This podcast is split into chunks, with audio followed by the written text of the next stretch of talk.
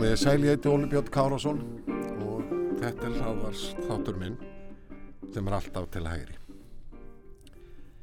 Ég er ótt spurður af því að ungu fólki sem þýstir í upplýsingar um hugmyndafræði frelsis hvar þeirra sé helst að leita.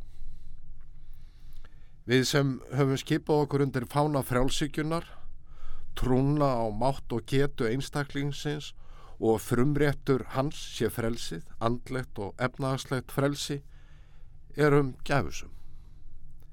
Hundruð bóka, jável þúsundir, standa okkur til bóða eftir íslenska og erlenda hugsuði.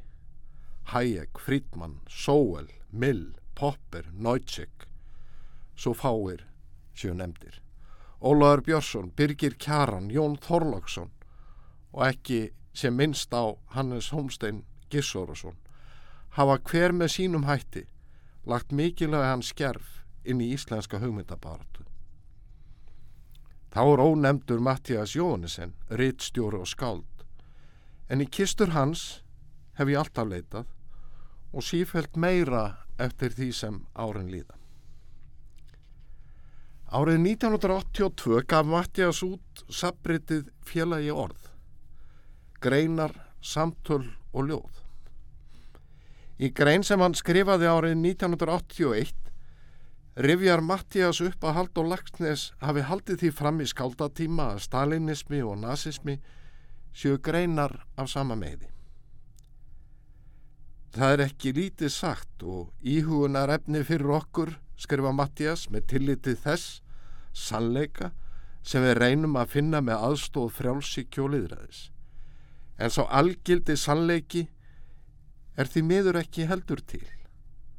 Það er raunni eitt af aðalsmerkjum frjálsíkjunar að játa svo einfalda staðurinn.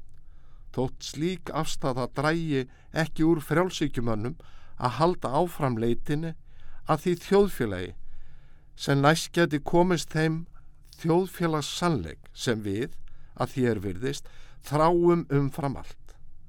Þó er mér nær að halda heldur Mattias áfram að leitin sé eftir sóknarverðari en sannleikurinn sjálfur að sama hátt og eftir væntingin er einat skemmtilegri en reynsla og raunurulegi. Mattias og Karl Popper hafa greinlega átt góða samleið í mörgu. Í viðtali við Hannes Holmstein árið 1985 bendir Potter á að frjálsíkjan verði aldrei fullsköpuð. Hún er endalus leit að lausnum, tilraun til að takmarka valdið, binda það, svo það geti hort til heilla fyrir fólk, saði Popper. Mattiða segir frjálsíkjumenn samfarða um að stóri sannleikur sé ekki til. Það sé hins vegar ekki anstætt frjálsíkju að bóða bóðskap Kris um sannleik þess fyrirheitna lands sem hann bóðar. Og eina leið okkar frjálsíkjumanna til að skilja marxisma með einhverju móti er svo að líta á hann sem trúarbröð. Hann á ímislegt samiðilegt með fjölgiðingstrú fyrir tíma þegar kongar og keisarar voru teknir í guðatölu. Mattias hefur aldrei trúað á bóð og bönn. Frjálsíkjan krefjist þess skilurislaust að staði sér vörð um eins mikið frelsi í listum og menningu og und er. Það sé að vísu framleitt mikið af hverstagslegu ófrumlegu dóti eins og Mattias kallar það í nafni listar og okkar dögum en sára lítið af listrænum verðmætum. Skilvindan tímans sjáu um þá undarrennu. Nauðsænlegt sé að við spyrjum okkur margara spurninga um einstaklingin í því velmöguna samfélagi sem hefur sprottið úr frjálsykju og líðræði, staldra við og spyrna við fæti. Og réttstjórin er gaggrínin á fjölmiðla og svo gaggrinni á enn betur við í dag en fyrir liðlega fjórum áratugum. Mattiða skrifaði, Dóngrændanleysi í fjölmiðlum er ábyrjandi. Allskynns æði fyrir eins og reykur um sínuhaga.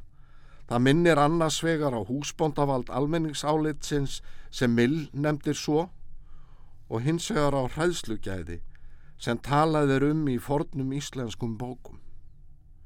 Brenglað mat er ríkaleg staðrind. Við sjáum miðaldinnar hilla upp í nútíðinni, dansum hugsunalust inn í tómleika, fáníti og meiri tómleika. Sirkustverkar með pólitískar gerfilausnir og ófullnægaðan metnað reyna að draga að sér aðtili. Þeir þykjast vera bóðberar einstaklingsfrelsis en eru fulltrúar allraði sikju og stóra sannleika. Það skortir alla sjálfsgaggrinni, skortir það sem kann að vera nöðselegt alls, evahyggju og sjálfsvirðingu.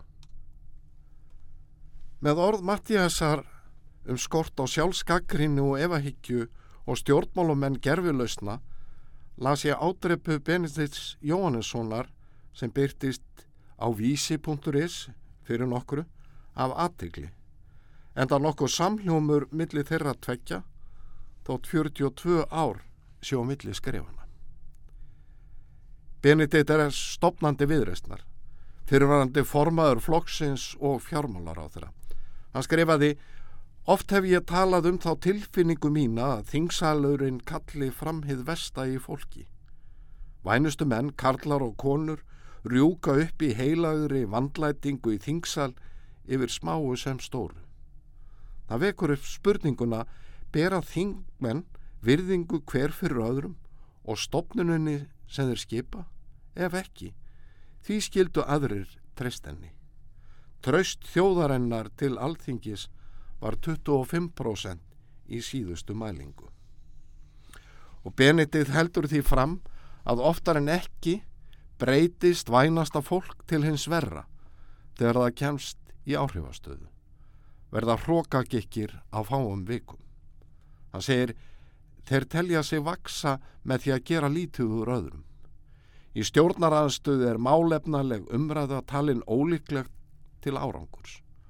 Málflutningur minnilhuttans verðist að mestu byggður á spælingum og nöldri í gardar á þeirra en óvenlegt að heyra upplýsandi raukraður, byggðar á reynslu og þekkingu þingmana en það fækkar sífælt í hópi þeirra þingmana sem búa reynslu úr aðtunlífinu eða fórustu félagasamtökum svo dæmi séu tekin á þekkingu sem gæti nýst við lagasetningu eða stjórn landsins.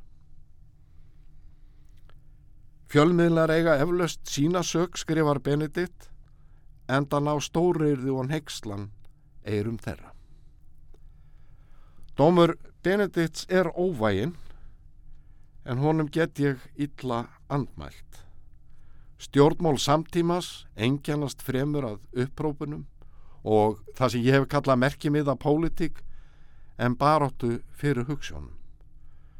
Samfélagsverkfræðingarnir hafa því miður náð yfirhandinni. Pólitísk rétt hugsun kæfur stjórnmálinn og ógnar frelsinu. En einmitt þess vegna er mikilagt að eiga góðan aðgang að hugsuðum frelsisins og kynnast hugmyndum þeirra og rauk stuðningi. Rittstjórin og skaldið Mattias Jónesen er einn þeirra. Ég þakka þeim sem lítu é constante.